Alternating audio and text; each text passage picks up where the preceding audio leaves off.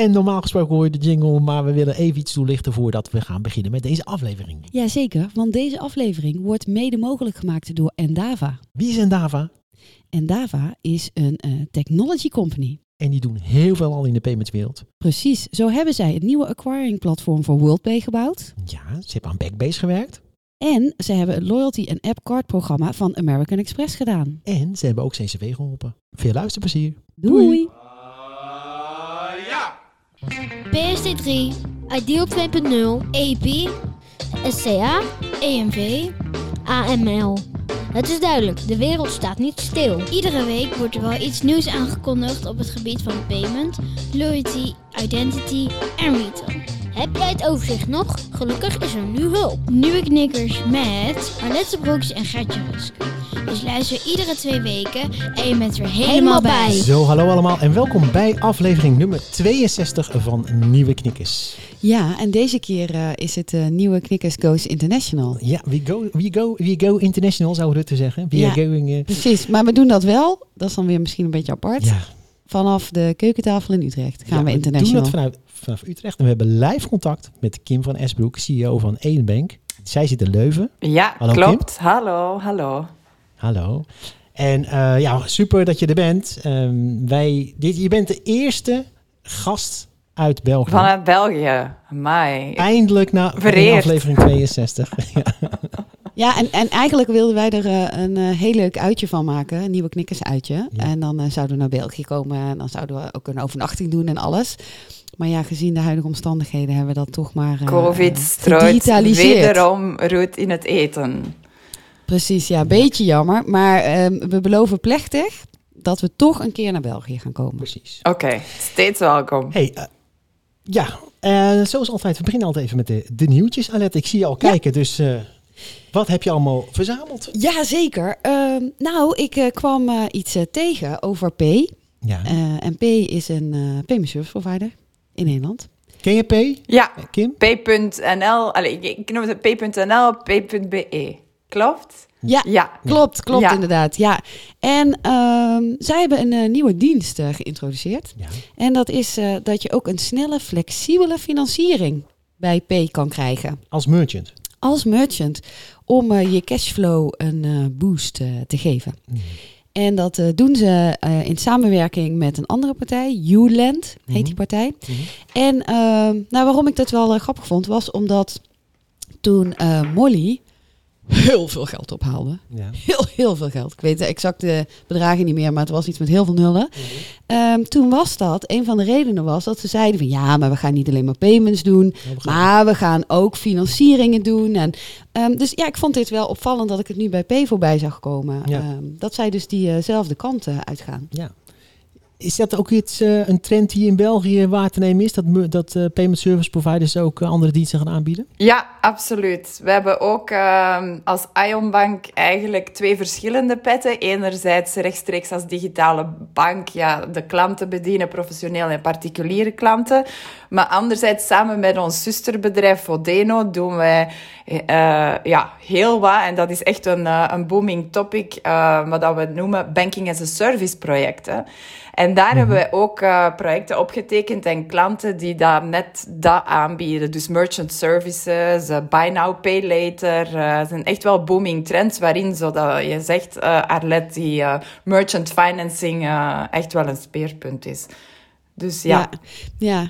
En wat, wat, wat heel mooi is hierbij, en eh, wij hebben binnen Rabobank ook eh, in ons Rabo-verleden, was er ook een initiatief eh, wat dus eigenlijk keek naar de inkomsten Uit. van een ondernemer Ja. en op basis daarvan dus een financiering verstrekken. En dat is natuurlijk heel mooi, want dat, een payment service provider kan dat ook op basis van de online inkomsten. Hè? Dus je hebt meteen een heel goed beeld hoe het gaat met een bedrijf en op basis daarvan kun je dan vrij laagdrempelig en vooral ook snel een eh, bepaald relatief klein krediet geven. Het is natuurlijk niet dat je Nee, dan miljoenen geeft aan zo'n partij. Maar jij noemt nu online, maar dat zou nu, eh, natuurlijk ook offline kunnen. Ik bedoel, Adyen doet, eh, doet ook terminals. Ja, EMS doet absoluut. terminals. Absoluut. Nou, dat is ook een heel mooi bruggetje naar mijn volgende nieuwtje. Oh, Oké. Ja, want mijn volgende nieuwtje gaat over Stripe. Ja, En ehm, in Nederland, dat heeft Kim natuurlijk niet gezien, maar in Nederland hebben we nu eh SumUp, die weer ehm, tv-spotjes is aan het doen. Ja, jij ziet het ook niet, Gert-Jan, want jij kijkt geen tv, maar ik ben nog zo iemand, ik kijk tv.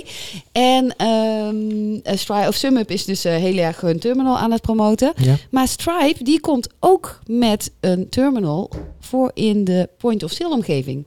Dus. Stripe is natuurlijk online heel groot. Mhm. Eh, en eh, gaat nu ook een terminal introduceren. En zo zie je toch eigenlijk eh, ja, dat dat steeds meer eh, een beweging is. Als jij eh, dan wel offline payments biedt, ga je ook online doen. Ja. En andersom. Eigenlijk, als je PSP'er bent, moet je gewoon omnichannel zijn. Nou, ik denk dat dat een hele goede conclusie is. Ja. Deel je die, Kim?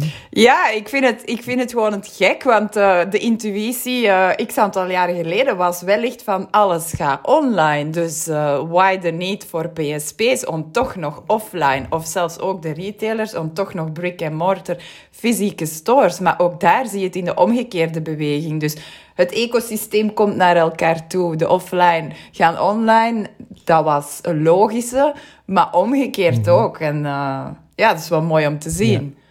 Is het dan, Ja, is het dan uit het- noodzaak? Hè, stel ik me dan de vraag, is het dan uit noodzaak dat eh, de eindklant erachter vraagt? Of is het eerder de fear of missing out, omdat de concurrentie dat heeft en zij niet hebben? Hè, het, het, het offline eh, element in, Ja, in, ik, in, in ik denk dat. propositie. Ik denk dat Coolblue daar een heel mooi voorbeeld van is. Want eh, die doen dat ook echt bewust. En Coolblue is nu ook in Duitsland en opent daar ook weer winkels. Eh, dus ik denk dat eh, offline gewoon toch ehm, eh, eh, voor andere situaties gebruikt wordt. Dus echt wel een aanvulling is op online.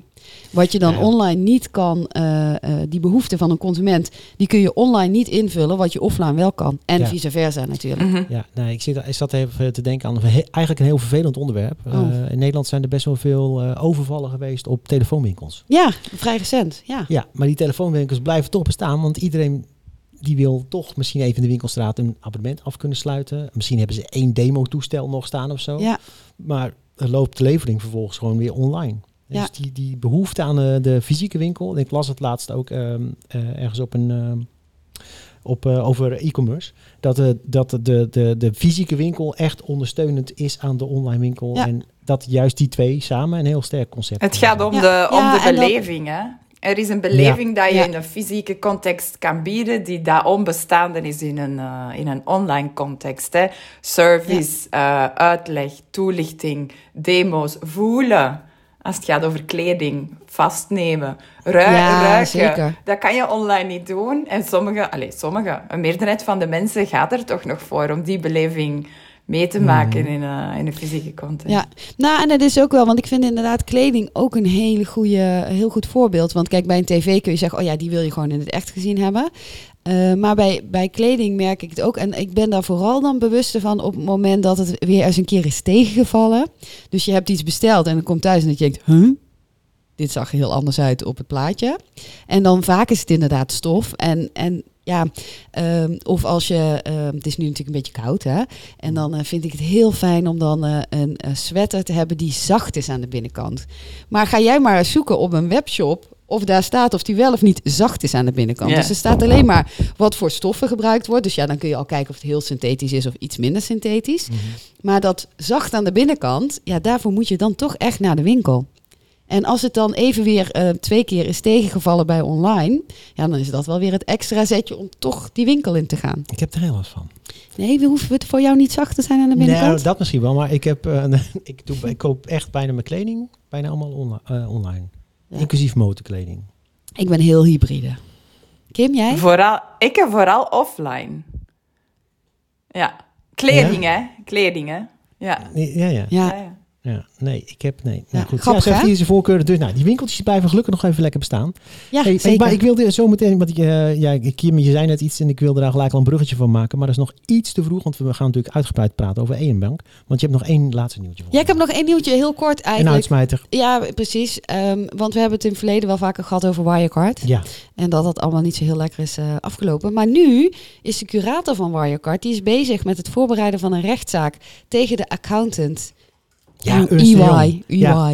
Ja, Ja, officieel heet het zo nu, hè? ja. EY. maar ik, praat nog, ik ben van de oude generatie, Ja. Ernst Young. Ja, nee, dat is natuurlijk wel logisch, toch? Dat, die valt wel wat te verwijten, denk ik. Ja, ja, want het is heel gek natuurlijk dat zij iedere keer netjes eh, hun krulletje hebben gezet onder ehm, eh, de jaarverslagen. Ja, Terwijl er helemaal geen eh, centjes waren. nee. Nee, Nee, die hadden wel even dieper kunnen graven. Nou, ben benieuwd Ja. hoe dat gaat aflopen. Ja, precies. Hey, eh, laten we snel doorgaan met eh één bank. Want, Ja.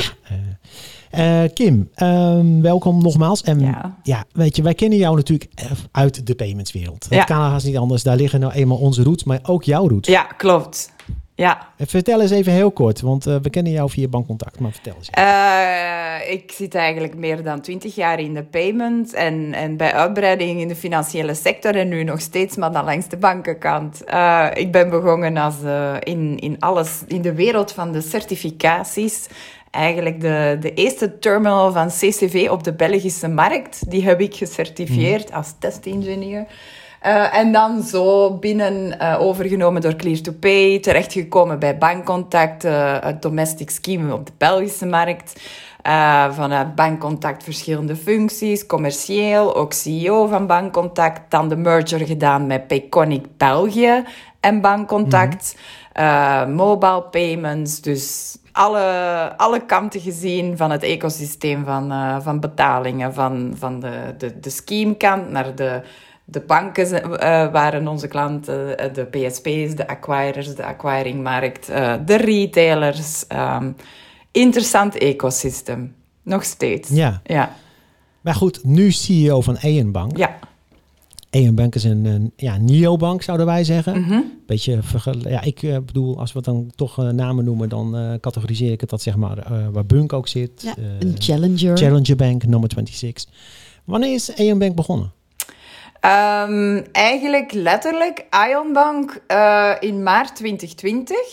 Eh, maar het heeft eigenlijk nog een stuk een prelude omdat onze investeerders eh, zijn Warburg Pincus, een Amerikaans investeringsfonds. Die hebben in 2019 eigenlijk Banca Montepaschi di Belgio, de oudste Ja. bank ter wereld, Ja, wordt ja, ineens de jongste bank ter wereld. Dus eh, in 2019 eh, die overgenomen. En dan is er eigenlijk een digitale transformatie op een periode van vijf maanden gebeurd. Dat was nog voor mijn tijd, want ik ben er sinds eh, juni 2020.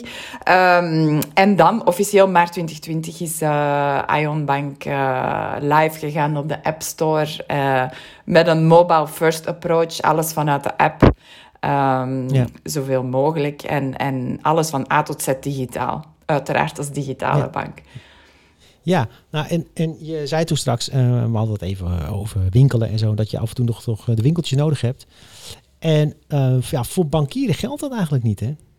Ja, toch wel. Wij hebben eh, zo gelijk eh Arlet zei, we hebben ook die hybride aanpak. Eh, als digitale bank hè, ben je de facto dan al meer remote, omdat alles digitaal gebeurt. Ook customer service via chat, eh, openen van een rekening, klant worden van de bank, aanvragen van een lening. Alles gebeurt via de app. Maar we hebben wel een flagship eh, in Brussel, eh, in het centrum van Brussel, waar dat mensen die toch die fysieke beleving eh, wensen te hebben en, en live een gesprek eh, of te hebben, die dat daar welkom zijn en door onze experts verder geholpen worden. Ehm, ook eh, in ons Customer Happiness Center hebben wij er resoluut voor gekozen Ondanks het feit dat we de technologie wel hebben, hè, voor bijvoorbeeld eh, op zondag in te schakelen, hebben wij toch gekozen voor ehm, echte mensen, om het zo te zeggen, te laten antwoorden achter de chatberichten en, en niet in eerste instantie of als first line te werken met chatbots. Eh, ook dus telkens om toch die human touch te brengen in die digitale wereld. En een Ja. most eh, frequently asked questions dat ik krijg is van, werken we dan met echte plastieke kaarten? Ja, uiteraard kan je bij ons ook een plastic eh, debit- of creditkaart eh, bekomen. Het is niet helemaal virtueel. Eh, maar heeft de klant eerder, eerder Google Pay of heeft hij eerder zijn plastic kaart? Wat proces bedoel je? Ja, Het, het- toch, eh, toch beide. En, en, en vooral ook eh, plastic. Allee, als je ziet, en die cijfers weet ik dan vanuit bankcontact context, de over, ondanks het feit van e-commerce en mobile payments, is echt het gros van de betalingen nog altijd kaart in, in betaalterminal. uh, qua, Ja. qua card payments. Hè. En ehm, dat zie ik niet zo snel eh, om, omswitchen. Ehm, Dus ook bij ons. Het voordeel is als je klant geworden bent van de bank, dat je op dat moment direct eigenlijk al een virtuele kaart in je app aangemaakt hebt. Als je dan geld op je rekening zet, kan je direct met Google Pay of met Apple Pay betalen. Ehm, dus er is niet de noodzaak om te wachten op je betaalkaart. In Nederland zeggen jullie betaalpas, denk ik. Ehm, Ja. Maar het is dus eh, allee, on- ongetwijfeld ook, ook, eh, ook mogelijk om een fysieke kaart te hebben. Misschien even eh, terugkomen op wat je zei. Eh, we zetten jullie in de familie van de neobanken. Klopt, maar toch een kleine nuance. Ik zeg er altijd bij dat we het beste van twee werelden hebben omdat we enerzijds wel de technologie en de UX en het digitale hebben van de neobanken. En we zijn een challenger, dus in, in die zin horen we thuis in die familie. Maar langs de andere kant hebben we toch iets wat andere neobanken eigenlijk eh, minder kunnen aanbieden, namelijk de garanties en de brede services van een traditionele bank. Enerzijds, we hebben dus de Belgische banklicentie. We staan onder toezicht van de Nationale Bank van België. En uh, we bieden niet alleen uh, retailklanten uh, mogelijkheden, maar ook professionele klanten. Heel veel retail, neobanken beperken zich tot aanbod voor particuliere klanten. Um, en wij bieden ook leningen aan, een kredietverlening voor, voor beide categorieën, wat ook bij andere neobanken minder het geval is. Uh, spaargelden zijn ook beschermd onder het garantiefonds tot 100.000 uh, euro op de spaarboekjes, etc. Dus uh, mm -hmm. in die zin de, de, de brede waaier en de garanties van de traditionele banken gecombineerd met het digitale en zoals je zei in ons intro-gesprekje, het uh, volledig in de cloud, 100% vanuit de cloud, ehm, technologische aspecten van de neobank. Ja, precies. Hey, en um, ik las ergens dat je bankieren wel kunt vergelijken met Netflix. Of jullie vergelijken bankieren met Netflix. Wij worden door de media in, in België vaak gerefereerd als de Netflix van de banking. Waarom? Ah. Uh, ja, dus het, het wordt door ons gedaan. Wij zeggen het niet zelf. Waarom? Um, als je Netflix hebt, dan betaal je één vaste prijs. Ik weet niet van buiten hoe, uh, hoe, hoeveel, maar ik denk 15 euro of zo per maand. En dan weet je wat je daarvoor krijgt. Je krijgt toegang hè, tot een oneindige tussen aanhalingstekens library van series en van films.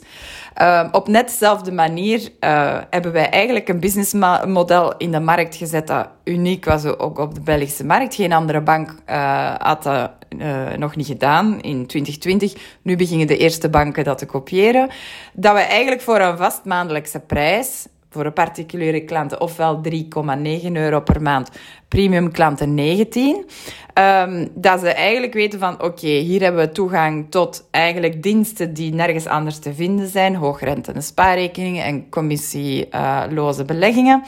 Uh, en on top dan nog eens uh, all-inclusive daily banking uh, met overschrijvingen, uh, in vreemde valuta, uh, zonder spreadkosten, et cetera, et cetera. Dus eigenlijk um, die aanpak van voor een vast tarief eigenlijk alles aan te bieden, zonder dan te moeten leven van uh, kosten hier of daar voor de aanvraag van een kaart, voor het nemen van een kredietkaart, et cetera.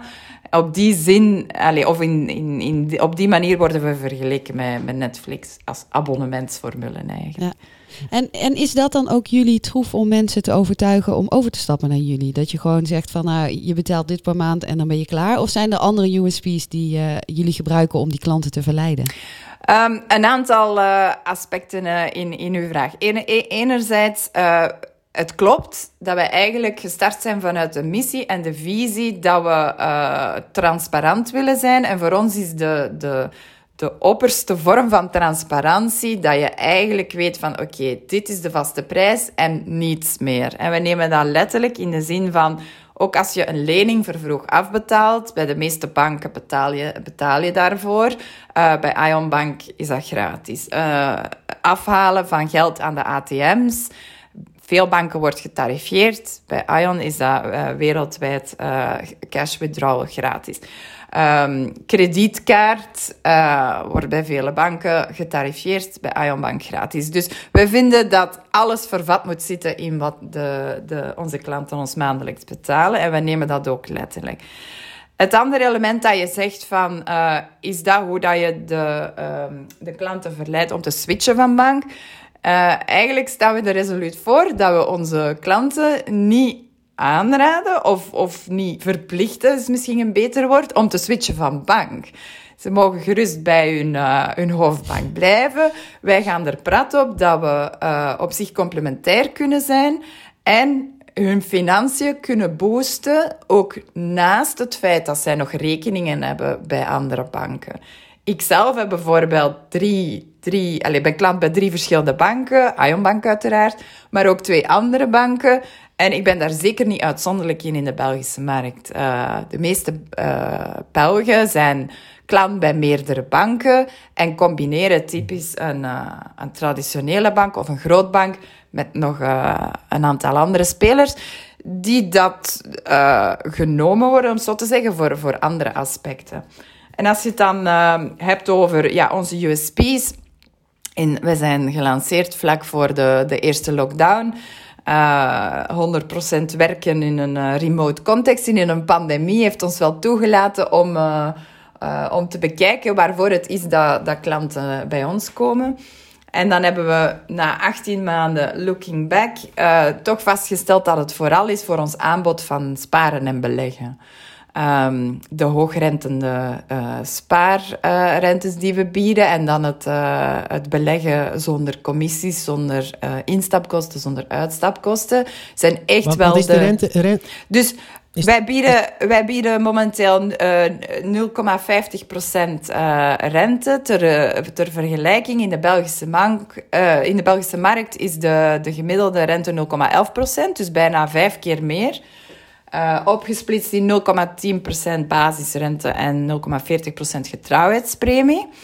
Um, dus op dat vlak uh, hebben we er resoluut voor gekozen om de waarde die dat we creëren en, en, en bij ons hebben ook terug te geven aan onze klanten onder de vorm van, van um, die, die rentes als je ziet, en dat zal in Nederland wellicht niet anders zijn, uh, in een klimaat van uh, banken die aankondigen om alsmaar meer naar nul te gaan, te switchen naar niet gereglementeerde spaarboekjes en ook negatieve rente te vragen, bijvoorbeeld bij bedragen boven de 250.000 euro op de spaarrekening, etc., is het vrij uniek uh, om, om in die context dan toch nog vijf keer meer dan gemiddeld gangbaar is te bieden. Ja. Plus zonder minimum inleg en zonder maximum cap. Ja, en want hoe kan dat is dan een beetje uh, uh, wat ik me dan afvraag. Want het is inderdaad een tegenovergestelde uh, beweging dan wat de andere banken doen. En je ziet ook dat heel veel banken juist hun spaarpropositie uit de markt halen. En hoe doen jullie dat dan? Hoe kan dat? Dat jullie daar wel um, een vergoeding tegenover kunnen stellen, terwijl andere banken zeggen je moet daarvoor gaan betalen. Ja. Jullie moeten toch ook betalen aan de ECB? Ja, ja, klopt. Maar misschien eerst een retorische vraag. Uh, is het dat niet wat een challengerbank doet? Hè? Challengen. En net het tegenovergestelde ja. toon van de ja. andere. Um, maar eigenlijk is daar there is no magic. Ik krijg die vraag bijna in elk interview van uh, journalisten van hoe kan dat dan? Ja, eigenlijk is dat pure wiskunde in de zin van Um, wij, wij hebben jonge technologie, ja, gemaakt in 2018. Eh, zoals ik al zei, we gebruiken technologie van ons zusterbedrijf volledig in de cloud. Wat maakt dat we al geen legacy hebben en oude systemen en platformen uh, die kostelijk zijn. Dus dat is punt 1 qua kosten. Twee, we zijn een digitale bank, dus we hebben geen heel kantorennetwerk uh, van gebouwen en branches. We hebben één, één grote flagship. En drie, uh, wij zijn niet een bank met duizenden werknemers. We hebben in, in Ion Bank ongeveer een 250-tal uh, medewerkers. Dus op zich, die kost is, is, is ook lager. Langs de andere zijde, een, bank heeft enerzijds het businessmodel, verschil tussen de rentevoet die geboden wordt op spaarboekjes ten opzichte van de leningen. Dat is uiteraard bij ons ook zo. Ehm, andere banken teren vooral over van ja, die, die, die, die cross-fee aan te rekenen op, op uh, allemaal kleine zaken en te leven van interchange-inkomsten. Maar wij hebben natuurlijk die vaste inkomstenbron van dat maandelijks abonnementsgeld. Wat maakt een vaste plus een kleinere min? Dat we aan het einde van de rit gewoon meer overhouden, waar wij dan voor gekozen hebben van oké, we, we geven dat terug onder de vorm van rentevoeten, maar ook onder de vorm van diensten die dat we bieden om, uh, om bijvoorbeeld de beste energieleverancier te zoeken uh, en dergelijke diensten dat we aanbieden aan onze klanten. Ja, dat is een mooi bruggetje, want Ja, eh, zeker. ik had er inderdaad gelezen, jullie hebben allerlei Max-producten. Ja, Toch? Money Max. Ja, het, Money Max. Bij bijvoorbeeld, ja, je noemt nu één voorbeeld van de, de energieleverancier, maar volgens mij doen jullie ook iets, nog iets met aankopen die je gedaan hebt. En als binnen 30 dagen blijkt bijvoorbeeld dat het elders goedkoper is. ja, zo, dan- ja, inderdaad. Als, als, Vertel daar eens wat meer over. Ja, ehm, een aantal diensten, zoals je zegt, van eh, zoeken naar de beste energieleveranciers qua elektriciteit, qua gas en qua mobiele telefonie zit erin. Ehm, ook inderdaad, eh, Max Shopping eh, heet dat dan. Als je een online aankoop doet, dan kan je je factuur bezorgen aan Ionbank. En dan kijken wij gedurende 30 dagen dat dat product goedkoper online op een andere webshop, hè, dat hoeft niet noodzakelijk op dezelfde te zijn, ter beschikking komt, of beschikbaar komt. En, en eh, als dat zo is, betalen we dat verschil terug. Een andere is ehm, dat we een, een dienst hebben, Max Deposit noemt dat, om telkens ook de screening van alle eh, rentevoeten op de, de spaarboekjes binnen de verschillende Belgische banken eh, te screenen. En ook daar een, wat ik noem, matchingdienst. Eh, als je elders beter ziet, dan matchen wij het.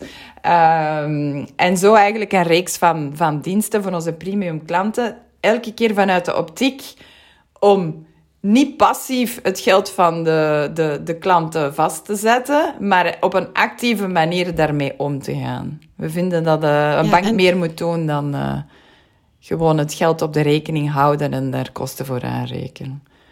Ja, nou, nu, nu zie je in Nederland ook wel dat eh, banken dat eh, proberen om dan te zeggen van nou, maar dan kunnen we je eh, gerichte aanbiedingen geven of dat soort dingen. Ehm, alleen dan wordt heel snel al gereageerd van ja, maar dan weet de bank wel De alles privacy. van me. Ja, dus dan ehm, eh, dat.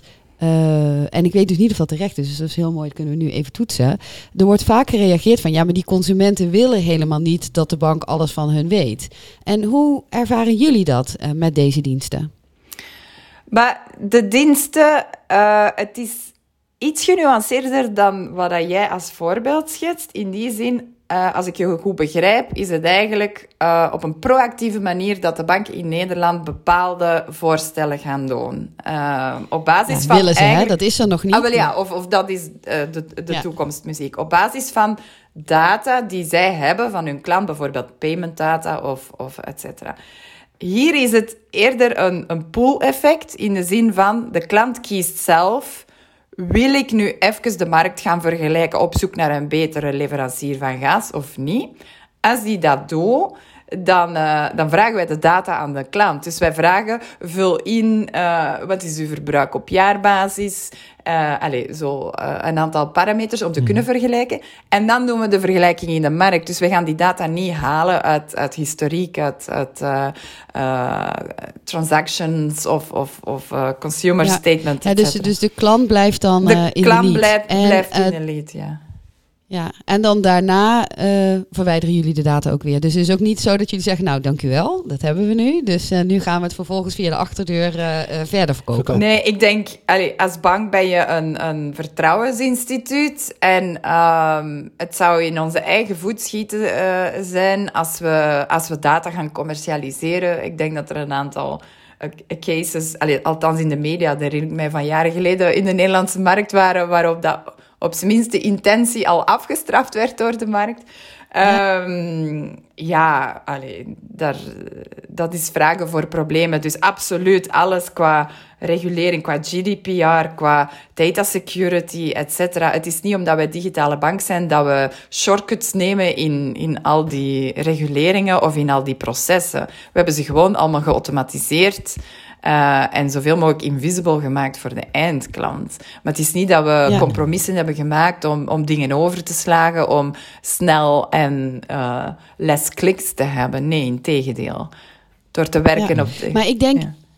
Want ik denk zelf ook dat uh, juist dat bedrag voor premiumgebruikers. Hè, 19 euro is namelijk al hier in Nederland zou iedereen zeggen: Oh, dat is echt heel veel. Maar aan de andere kant, doordat je dat wel hebt staan, kun je ook aan de andere kant heel open en transparant zijn. En hoef je niet, ja, ik zou bijna zeggen, op slinkse wijze Ja. op andere manieren geld te verdienen. Ja. Om dat maandbedrag te drukken. Want ja, je hebt toch je inkomsten nodig. En, en nu zeg je gewoon van, nou ja, ik vraag 19 euro aan jou. Maar vervolgens ehm Nou, mag ik doe ik ook niks eh, daarmee. Ik, eh, Met je data dan. Hier hè? zie je een eh, pasje van de AB, ABN AMRO. Ja. Ja. Ja, heel, heel groen is het. Heel mooi groen. Heel mooi groen. Eh, want ABN AMRO had mij gevraagd, joh, je hebt nog een spaarrekening, maar eh, die, die heb ik denk ik al 40 jaar. Maar eh, als je die wil houden, dan moet je ook een betaalrekening erbij nemen. Oké. Ik denk, ja, zou ik dat doen? Ik denk, nou, laten, laten we dat maar doen. Laat ik maar houden. En die betaalrekening kost mij 1,50 euro in de maand. Hoe kan dat? Dat kan toch Ja, helemaal niet? Nee. Dus ik, ik ben Ja. nu inmiddels, eh, ik, ik bank hier nu al een tijdje bij Bunk. En daar betaal ik, nou, ik betaal niet 19 euro, maar wel voor een pakket betaal ik wel 19 euro. Maar dan heb ik wel een rekening voor mijn kind en Ja. voor mijn kinderen. Eh, een, eh, en overrekening. Ehm, maar ja, bedoel, ik betaal een flink bedrag voor, maar ik merk ook aan mezelf, ik vind die app fijn, ik, ik ben bereid om dat, eh, dat, dat geld ervoor te betalen. En dan ko- komt zo'n zo'n grootbank Ja. met, met een, fantastisch hoor, dat je voor 1,50 euro kan aanbieden, maar dat kan toch haast gewoon ook niet.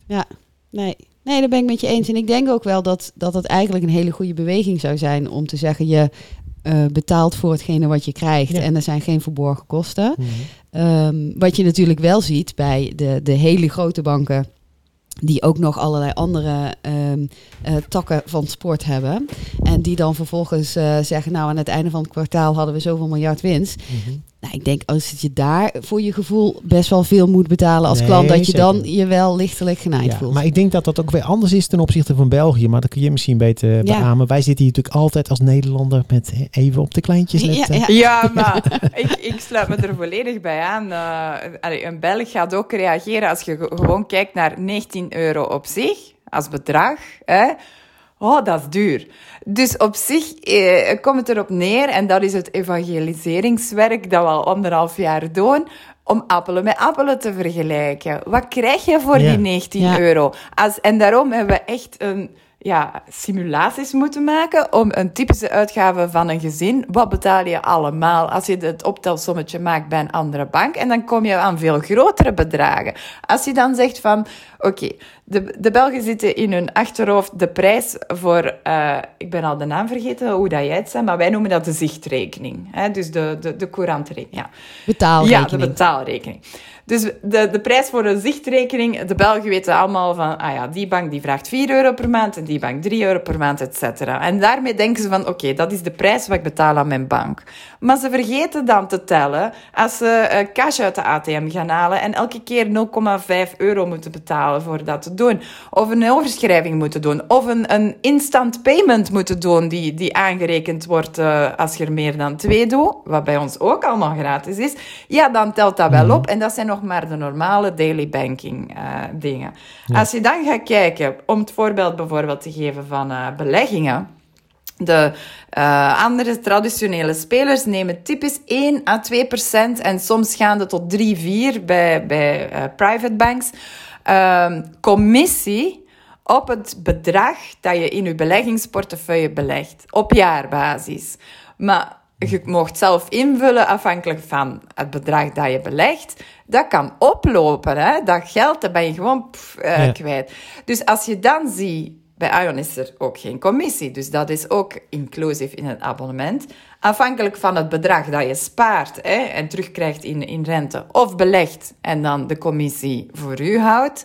Ehm, ja, dan win je een multitude aan, uh, aan, uh, op een jaarbasis vergeleken met dan de 228 dat je aan ons betaald hebt. Dus het is allemaal van uit welk perspectief dat je dat bekijkt. En dat je dan eigenlijk voor slechts 19 euro per maand eigenlijk toegang geeft aan een service die voordien op Belgische markt dan uh, gereserveerd was voor klanten van private banking. Dus als je het dan zo bekijkt, dan is het een koopje, om het zo te zeggen. Het is een koopje. Nee, die Nederlanders. Die, ja, kom ik, ik heb een vraagje. Eh, we hebben zo meteen ook nog een expertvraag. Ja, ja, zeker. Ga je daar vast even naar kijken? Dan doe ik even snel nog een vraag stellen. Ik heb over al een expertvraag ja? klaarstaan. Ja. Oké. Mag ik heel kort nog een vraag stellen? Hey, kan ik nou als Nederlander ook een uh, rekening Oh, die vraag had ik ook. oh. ja, ja. Uh, dus op zich... Um, zoals ik zei, staan wij onder toezicht van de Nationale Bank van België. We hebben de Belgische banklicentie. Maar we hebben ook passporting in Europa. En, en sinds de start eigenlijk in maart 2020 uh, bieden wij de onboarding aan van 16 verschillende nationaliteiten, waaronder de Nederlandse. Um, Voor de Belgen zijn er verschillende mogelijkheden om uh, via de app klant, de KYC te doen en klant te worden van de bank. Uh, via de elektronische identiteitskaart, via It's Me. Maar ik heb gehoord ook dat It's Me naar de Nederlandse markt uh, uh, getrokken was. Ja, ja. En via... It's Me is een beetje een uh, IDEN-achtige oplossing. Ja. Voor en via de ja. NFC-passports. Dus een, het paspoort via de NFC-chip.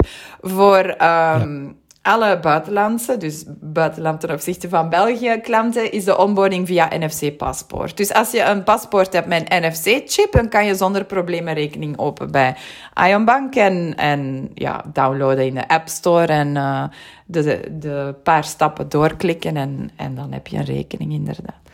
Maar dan krijg je wel een Belgisch Ja, ja, via de paspoorting wel. Ja, dat wel. Ja, oké. Ja, en uh, um, uh, want kun je die chip, want we hebben het daar wel eens over gehad in het verleden, ja. over chip uitlezen. Ja. Uh, maar kan dat nou ook al met een iPhone of kan dat alleen kan ook met een iPhone oh, tegenwoordig. Okay. Ja. speciaal voor de Brexit hebben ze dat gedaan. Oh, ja, heel handig. Hey, een expertvraag. Uh, ja, want uh, uh, ja, we, we, zijn al lekker in de tijd. Hè? Ja, want we, onze expert die had ook maar liefst acht vragen. De expert van Endava. Laten we twee, twee van doen. Precies. Nou, die acht dat gaan we niet redden inderdaad. En als je nou met deze kan eindigen, dat is een mooie... mooie ja, dat is goed. Ik wijs nu De eerste is, hoe belangrijk is UX en gamification voor jullie in jullie app... om vooral ook de strijd aan te gaan met de traditionele banken?